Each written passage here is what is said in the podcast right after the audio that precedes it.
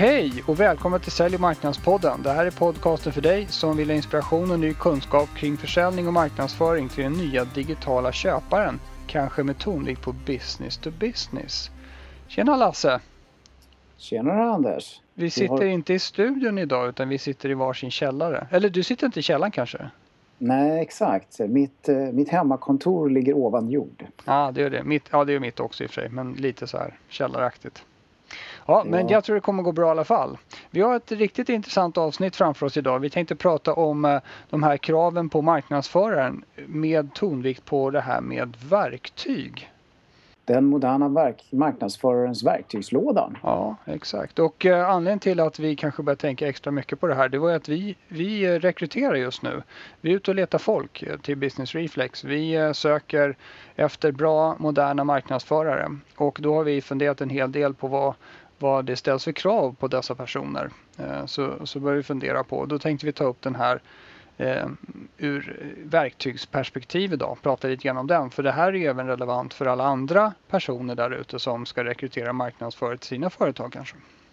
Ja, och man kan ju säga så här att eh, kraven är ju stora på den moderna digitala marknadsföraren generellt sett. Men det är kanske framförallt inom det här verktygsområdet där den riktigt stora skillnaden sitter kanske jämfört med den mera traditionella marknadsföraren som kommer från den här, ja, vad brukar vi säga, eh, tejp och eh, ja. ja sax och tejp eh, marknadsföring. Ja, ja nej men det, man ska inte raljera för mycket men nej. jag tror att alla de, alla de gamla eh, härliga kompetenserna kring känsla för eh, färgform och för ton och sådana saker gäller naturligtvis fortfarande. Men eh, det har ju tillkommit en massa olika digitala verktyg tack vare att köparna numera är så pass digitala så de föredrar ju att konsumera information den vägen och då måste ju allting se proffsigt ut i de kanalerna och um, bli till i de kanalerna. Exakt. Så, eh, så vill ni ta chansen och utmana er själva eh, kring det här med moderna digitala marknadsförare så är det bara att gå in på www.businessreflex.se och klicka ja, på knappen direkt mitt uppe på sidan. Klicka på knappen och kolla. Det kanske kan vara någonting för er. Det vore ju jättekul.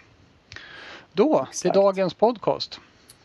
Ja, precis. Eh, och den här listan med de här verktygen eh, när vi säger verktyg är det ju programvaror vi, vi pratar om faktiskt. Ehm, den är ju lång. Eh, så ja. frågan är vilken ände man ska börja.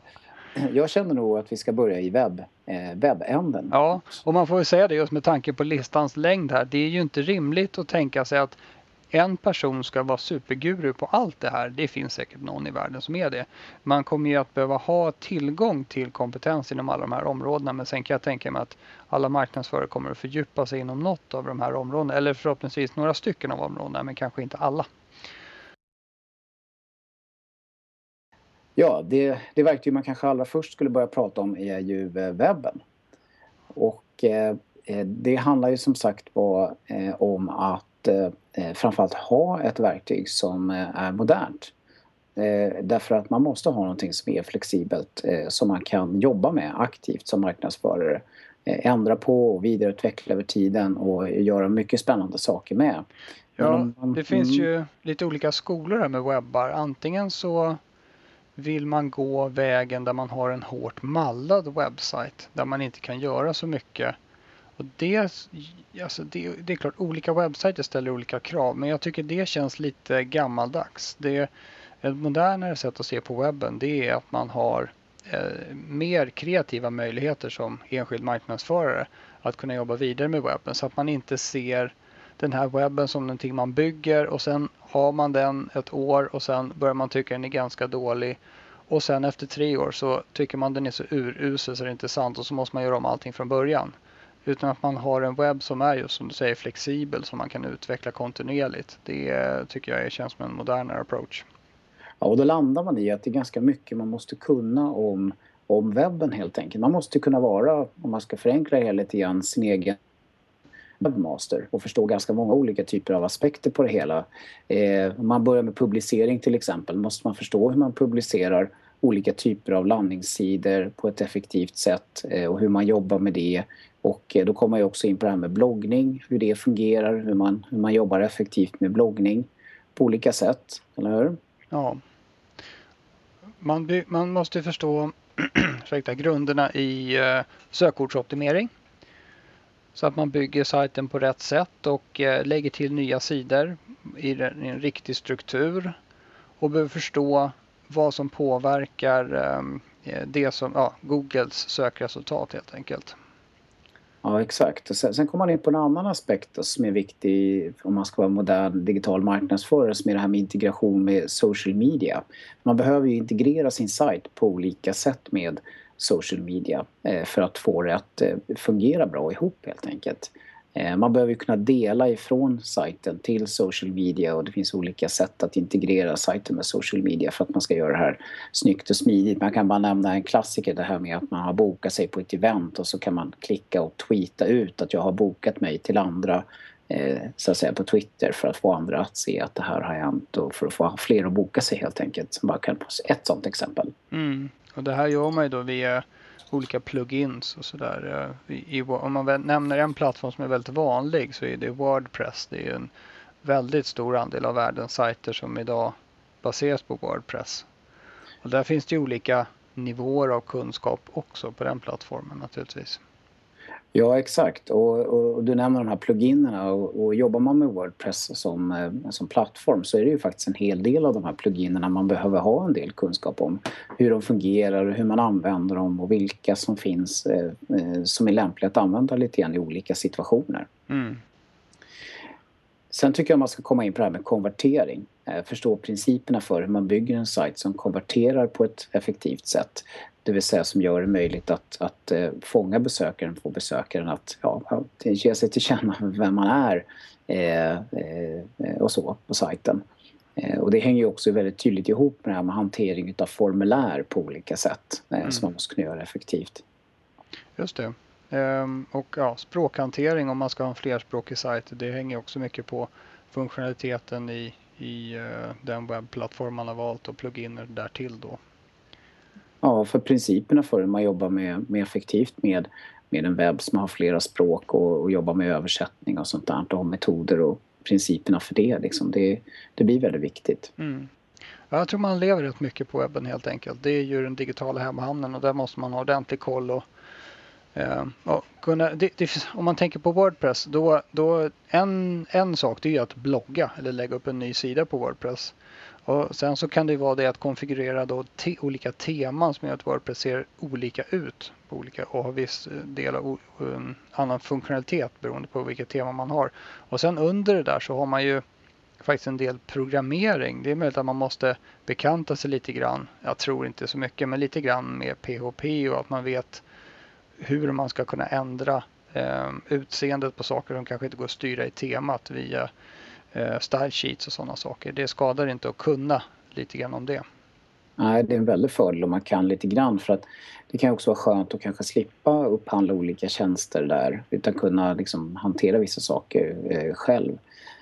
Och, och, här är det ju så att här behöver man förmodligen köpa en hel del hjälp. Eh, eh, och då är det ju bra att kunna ganska mycket om mycket när det gäller webb för att det ska bli lättare att, att upphandla rätt typ av tjänster och, och få rätt leverans och kvalitet på dem. Så är det. Eh, förutom själva plattformarna i sig. Ska vi nämna en annan plattform så är väl Drupal en plattform vi kan nämna också i det här sammanhanget som en open source-plattform som är en mer avancerad webbplattform än, än Wordpress. Ja, just det. Ja, det ställer lite högre krav på på användaradministratören där. Men den är lite mer robust får man väl säga. Så är det ju det här med att, att eh, många gånger behöver man ju skapa eh, ganska mycket content då, man jobbar med content marketing. Så man kanske behöver separat programvara för att eh, ja, dokumenthantera helt enkelt. Man ska hålla reda på, på versioner och, och sånt. Eh, på stö lite större företag så har man ju oftast gemensamma sådana dokumenthanteringssystem Eh, och då hänger ju marknad på där. Mm. Eh, men det kan också vara att kanske marknadsföraren känner att man själva vill ha verktyg för att bara hålla ordning på, på allt, sitt, eh, allt sitt content. Så att man vet vad som är vad och, och, och, hur det hänger ihop och, och versioner och ja, olika språk och sådär. Eh, ja, just det. Ja, det, det är kanske inte så dumt att utnyttja sin eh, troligtvis den här SharePoint-installationen man har någonstans i källaren till det här eller införskaffa speciella verktyg om det är mer avancerad contenthantering. Men jag tror att det, det, är bra att ha, om man gör mycket content inhouse, um, allt ifrån broschyrer till, till white papers, så, så är det nog bra att ha versionshantering och, uh, ha ordentlig koll på, på det här för det blir snabbt väldigt många olika dokument som singlar omkring. Exakt. Eh, men sen så ska man ju skapa content också. Det är ju mycket det som blir en stor del av utmaningen att man, man behöver kunna skapa content som man normalt sett historiskt inte har skapat eh, som behöver komma fram om man ska bli framgångsrik med content marketing. Och då är det ju en mängd olika verktyg som helt plötsligt blir väldigt viktiga att kunna hantera i alla fall grunderna kring. Eh, ta det här med fotografering till exempel och eh, ja, programvaror som Photoshop till exempel. Mm. Kunna göra enklare grejer och förstå hur det fungerar det är, är viktigt för att man ska kunna göra saker och ting snabbt och smidigt. Ja, jag tror att det, det bygger mycket på att man, man, är, man har kontroll på en hel del av verktygen och metoderna här så att man kan eh, göra saker eh, lite snabbare. Så man som kommer ur startgrupperna, startblocken eh, fort när man ska göra någonting. Så att ja, det, det får inte bli för komplicerat. Nej. nej, precis. Och inte för långa väntetider och stora projekt av allting utan man ska kunna producera mycket snabbt. Och ja. då är ju Photoshop är ju ett verktyg därför att manipulerar bilder och så. Um, editera video för oss som sitter på mackar så är ju iMovie en, en uh, fullt kapabel um, programvara för det. Och, ja, exakt. Den räcker ju långt uh, för den normala marknadsföraren. Ja, det måste jag säga. Ja. Eh, bilder, Illustrator. Och eh, sen har Indesign ett bra verktyg för att göra mer layout och så. Eh, det går att göra lite layout i dagens ordbehandlare men man stöter ofta på problem där det blir kanske inte så riktigt så bra som man har tänkt sig. Så Indesign är väl ett vettigt verktyg att bemästra. Sen kommer vi in på det här ämnet som, ju, som infografer mm. som, eh, som ju är populärt och som många gånger behöver skapa. Det vill säga avancerade bilder som, eh, eller bilder som inte är så avancerade kanske nödvändigtvis men som förklarar avancerade eh, förhållanden eller avancerade processer så att det blir enkelt att förstå dem. Vilket ofta är en utmaning i B2B, att det är ganska komplexa grejer som behöver förklaras och då kan de här infografbilderna vara väldigt effektiva. Ja, just det. Eh, och då behöver man kanske göra då ganska många sådana och man behöver kunna skapa dem ganska snabbt. Mm. Eh, det finns ju verktyg för det. Det här Canva är ju ett sånt verktyg som mm. försöker användas till andra saker. Eh, det här Visually, Just det. har vi jobbat med själva en del. Ja, precis. Och jag har testat på Canva en del också. Det är väl, funkar inte riktigt som, man, som de gamla traditionella verktygen så man blir kanske lite frustrerad. Men jag är säker på att det är utmärkta verktyg när man väl kommer igång med det. Och Visually vet vi funkar bra. Ja, så det här med inspelningstekniker då. Eh, som vi då som jobbar med podcasting till exempel. Eh, vi använder ju Garageband för mm. det. Ja, eh, för att editera ja, precis. Men man kan ju behöva jobba med, med ljud på ett lite mer avancerat sätt också eh, än, än, än, bara det man gör kopplat till podcasting. Mm. Eh, spela in det här med skärm, skärmbilder eh, eh och, och sånt, quicktime.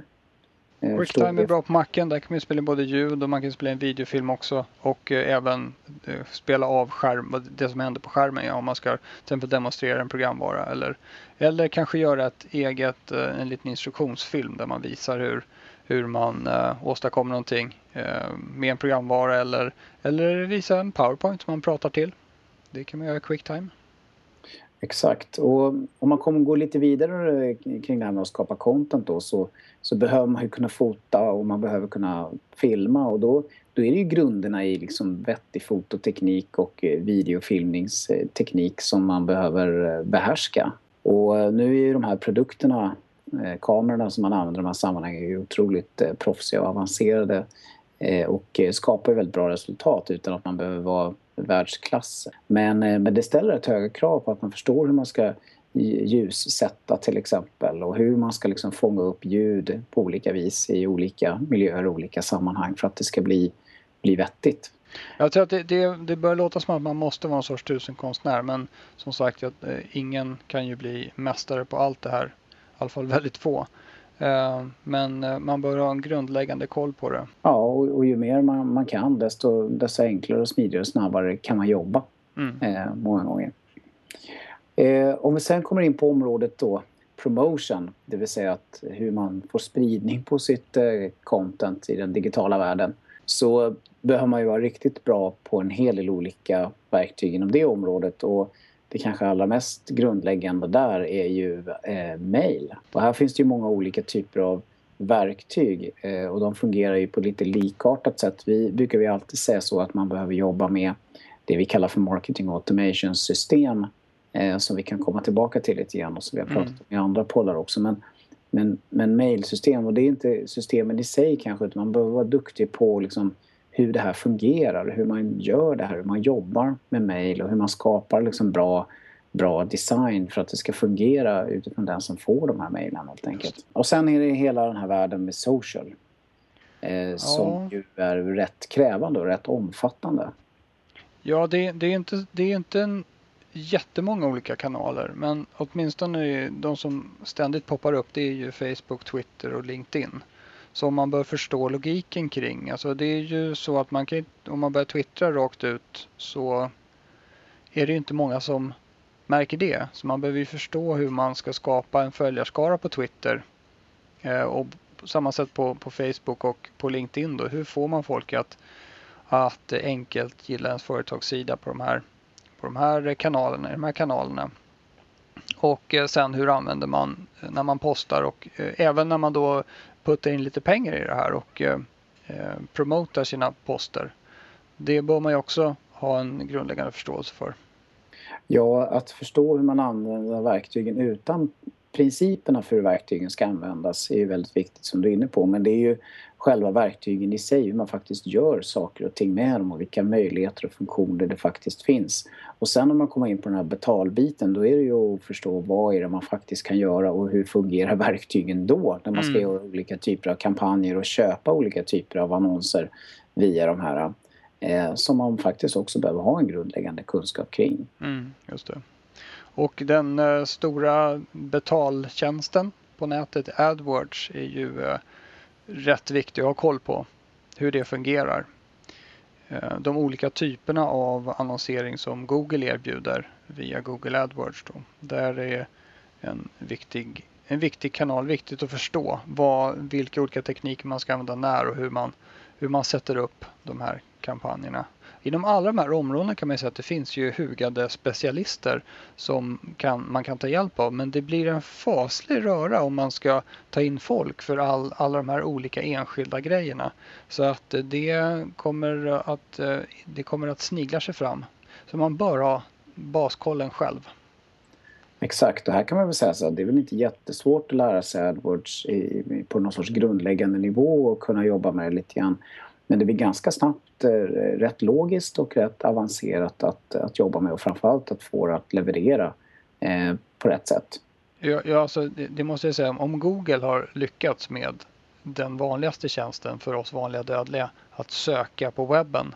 Det användargränssnittet är ju grymt. Ett fält och en knapp så kör man. Det är motsatsen när man tittar bakom kulisserna på Google i deras verktyg.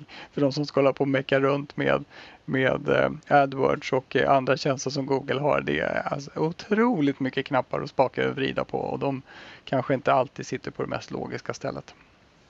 Nej, du och jag som är gamla eh, eh, programvarufreakar. Eh, vi, eh, vi ser ju ganska snabbt att det finns brister i användargränssnitt och, och logiskt tänkande kring hur de här produkterna är uppbyggda. Ja, eller också är det brist i vår logik. Jag vet inte, men något är det som ja. inte klaffar i alla fall.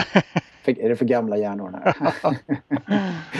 nej då. Men, eh, nej, men det blir ju det. Och, och det, det, är rätt intressant när man hoppar mellan de här olika programvarorna och produkterna också eftersom de just ser ut att fungera på olika sätt eh, mm. allihopa eh, många gånger. Och det, man har inte tid att sitta och läsa manualer utan man måste ju kunna, helst att kunna grunderna och, ja, och våga sig jobba, fram, jobba sig fram med de här produkterna och testa sig fram. Och, eh, ja, eh, det är mycket det det går ut på. Så men när det gäller promotion så ska vi väl ändå nämna det här med marketing automation kanske lite mer som vi, som vi betraktar väldigt mycket som kanske hjärtat i en B2B marknadsförares eh, eh, arsenal av verktyg när det handlar om om promotional content och, och att managera och hantera leads ja. Eh, effektivt. Jo, så är det. Vi har ju pratat om det många gånger förr på podden och skrivit bloggposter och har referenssidor och så här om det här ämnet. Men det är, faktum kvarstår att det är en väldigt viktig del av, av den här arsenalen av verktyg som den moderna marknadsföraren behöver bemästra. Och eh, eh det finns ju flera olika verktyg på marknaden. Någonting som man ska tänka på det är att eh, det krävs ett ganska stort mått av logiskt tänkande och, och förståelse kring flöden eh, och mängdlära av sådana saker för att kunna skapa de rätta Eh, segmenten och kunna agera utifrån dem. Och, och eh, det, det, ska inte underskattas alltså. Nej, det, det, är mycket ordning och reda men det är också ganska mycket mattehjärnan, det logiska, logiska tänkandet och kreativiteten kring det logiska tänkandet som är, är väldigt viktigt när man jobbar med det här. Och det blir ganska snabbt eh, eh, rätt så mentalt krävande faktiskt att hålla på med det eftersom det blir ganska komplext om man vill göra lite mer avancerade saker vilket många vill när man har jobbat med det ett tag. Ja, eh, precis. I början är det nog, är man rätt nöjd med att se vilka som är på sajten och skicka något mejl då och då. Men, men eh, aptiten ökar ganska fort skulle jag säga och då är det viktigt att ha jäkligt bra koll på verktyget för att kunna utnyttja det till, till fullo och inte bara bli frustrerad. Nej, och här är det ju väldigt få som faktiskt har verktyg. Eh, så här är det ju väldigt många som behöver köpa verktyg och det är viktigt att, att köpa rätt verktyg utifrån de förutsättningarna man har. Därför det blir ganska jobbigt att byta eh, om man går bort sig eh, när man har jobbat med det ett tag. Det är inte lika jobbigt att byta som att byta affärssystem eller kanske CRM-system. Men eh, nästintill skulle jag säga. Mm. Ja, man, det, vi har ju pratat om det förut som sagt, men man ska inte köpa ett för enkelt system. Eh, för då måste man byta ganska fort och då blir det jättejobbigt. Ja, sen kommer vi in på hela den här analysbiten där det ju eh, kryllar olika verktyg. Men här är det ju Google Analytics som ändå är Googles eh, gratisverktyg som faktiskt levererar riktigt, riktigt bra. Ska jag säga. Det, ja, just det, för att hålla koll på, på saker och ting på sin egen webb. Ja. Eh, då är det Google Analytics tycker jag som gäller. Man behöver inte, man behöver inte hålla på så mycket med andra verktyg där utan det är ju det är gratis och det eh, gör jobbet tycker jag. Ja, utan här handlar det mer om att förstå vad man ska mäta och hur man ska mäta och, eh, och så förutom själva verktyget och förstå hur man jobbar i det och, och anpassa det för att det ska leverera det man vill på ett mm. bra sätt. Ja just det, man måste få ihop en bra strategi där för vad man vill mäta och hur man vill mäta och hur man vill bryta sitt data på olika sätt och där kommer det här med eh, lite längre URLer in i bilden. Det är ju så att Google Analytics är beroende av eh, bra data in och eh, man kan få bättre koll på den här datan som Google Analytics fångar upp genom att strukturera alla de URLer som leder till ens egen sajt. Så det måste man ha koll på också. Och om man gör det på ett bra sätt då så eh, kommer Google Analytics-rapporterna att se mycket bättre och mer begripliga ut. Ja, och om man ska liksom prata kompetens här och kunskap så är det nästan som, jag skulle beskriva som tre nivåer. Den enklaste nivån det är att använda verktyget som det fungerar ur lådan nästan. Och mm. nästa nivå det är att man ska förstå hur man ska kunna anpassa verktyget att leverera det man vill och även eh, de här skripten då som eh, trackar sidan. Och den tredje nivån det blir mer avancerad när man ska börja jobba mer aktivt med webbshoppar och, och, eh, och sådana saker. Ja just det, jag tror att de som, har, de som verkligen har e-commerce på, på eh, sajten, den, då kommer vi in på ett helt nytt område egentligen skulle jag säga. Där allting blir mer mer avancerat? Ja, det sista området Anders, det är ju ett väldigt kärt gammalt område för dig och mig. Eh, som var med i CRM-systemens eh, vagga. Ja, just det. På den gamla goda tiden. Nu är det nya goda tider. Men precis, CRM-systemet är viktigt för att eh, det är ju så här att eh, Marketing Automation-systemet och CRM-systemet ska sitta ihop med varandra på en eller andra sättet. Och eh, man behöver styra leadsflödet eh, så att eh, man kan få säljare att kvalificera och vidareutveckla leads till affärer. Och då gör ju de sitt jobb i CRM-systemet medan marknadsförarna gör sitt jobb i Marketing Automation-systemet om man ska förenkla lite grann. Så där gäller det att man dels förstår hur de här systemen ska integreras och hur de sitter ihop. Och eh, sen måste man, tycker jag i alla fall, ha lite koll på administrationen av CRM-systemet. För det kan behövas läggas upp något nytt fält ehm, och eh, lite nya alternativ. Vi eh, propagerar ju ofta för att man ska lägga upp ett fält som heter Persona i CRM-systemet och det är ju väldigt sällan, man kan säga aldrig, som det finns. Så det blir lite sådana saker. Och sen naturligtvis en viktig del av CRM-systemet, eh, just eh, kanske mycket för marknadsförarens del, det är ju rapporterna. Att man förstår hur man genererar bra rapporter ur CRM-systemet för att kunna följa upp effekten av marknadsföringen som man delvis gör därifrån. Ja, jag skulle även lägga till det här med importer och exporter. Eh, alltså integration är ju en sak eh, när man har liksom en online-integration med till exempel marketing automation. Man behöver ju även kunna göra importer och exporter av data när man förvärvar data och ska tvätta data och på olika sätt och sådär. Så att, eh, vilket inte alltid också kan kräva en hel del logiskt tänkande för hur man ska göra och strukturera det på bästa sätt. Mm, just det. Ja, det var hela listan va? Var det inte det?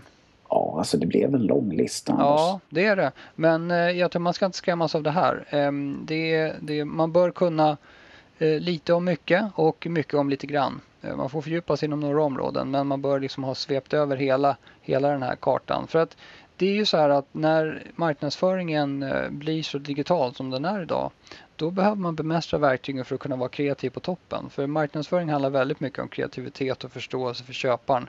Men kan man inte översätta det till, till eh, konkreta saker, eh, konkret kommunikation med hjälp av de här verktygen, ja då är det lite svårt att få resultat. Så är det. Det här med marknadsföring, det är, jag tycker det har aldrig varit roligare än nu i alla fall. Och de här verktygen som du säger Lasse, det är ju eh, många fantastiska verktyg. Ja, exakt. Det är många av de här verktygen som verkligen gör en massa fantastiska, spännande saker. Och det, det kan vara lite krävande att sätta sig in i dem och, och, nytt för många men det är riktigt roligt och det finns ju riktigt spännande och fantastiska möjligheter. Så att, eh, det, det, är den härliga sidan av det. här. Ja, och man ser effekten direkt och man kan mäta. Och, nej, men det, är, det är grymt. Grymt faktiskt. Vi gör så här, vi, eh, vi skriver eh, om de här verktygen i bloggposten som hänger ihop med det här avsnittet och länkar till lite olika sajter där man kan läsa mer och fördjupa sig. Och ja. Eh, sen så måste jag påminna om glöm inte att gå in på www.businessreflex.se och tryck på knappen där för vi söker faktiskt moderna härliga marknadsförare som kan lite av det här som vi har pratat om idag. Eh, så om ni är intresserade av att jobba med marknadsföring med oss så gå in där.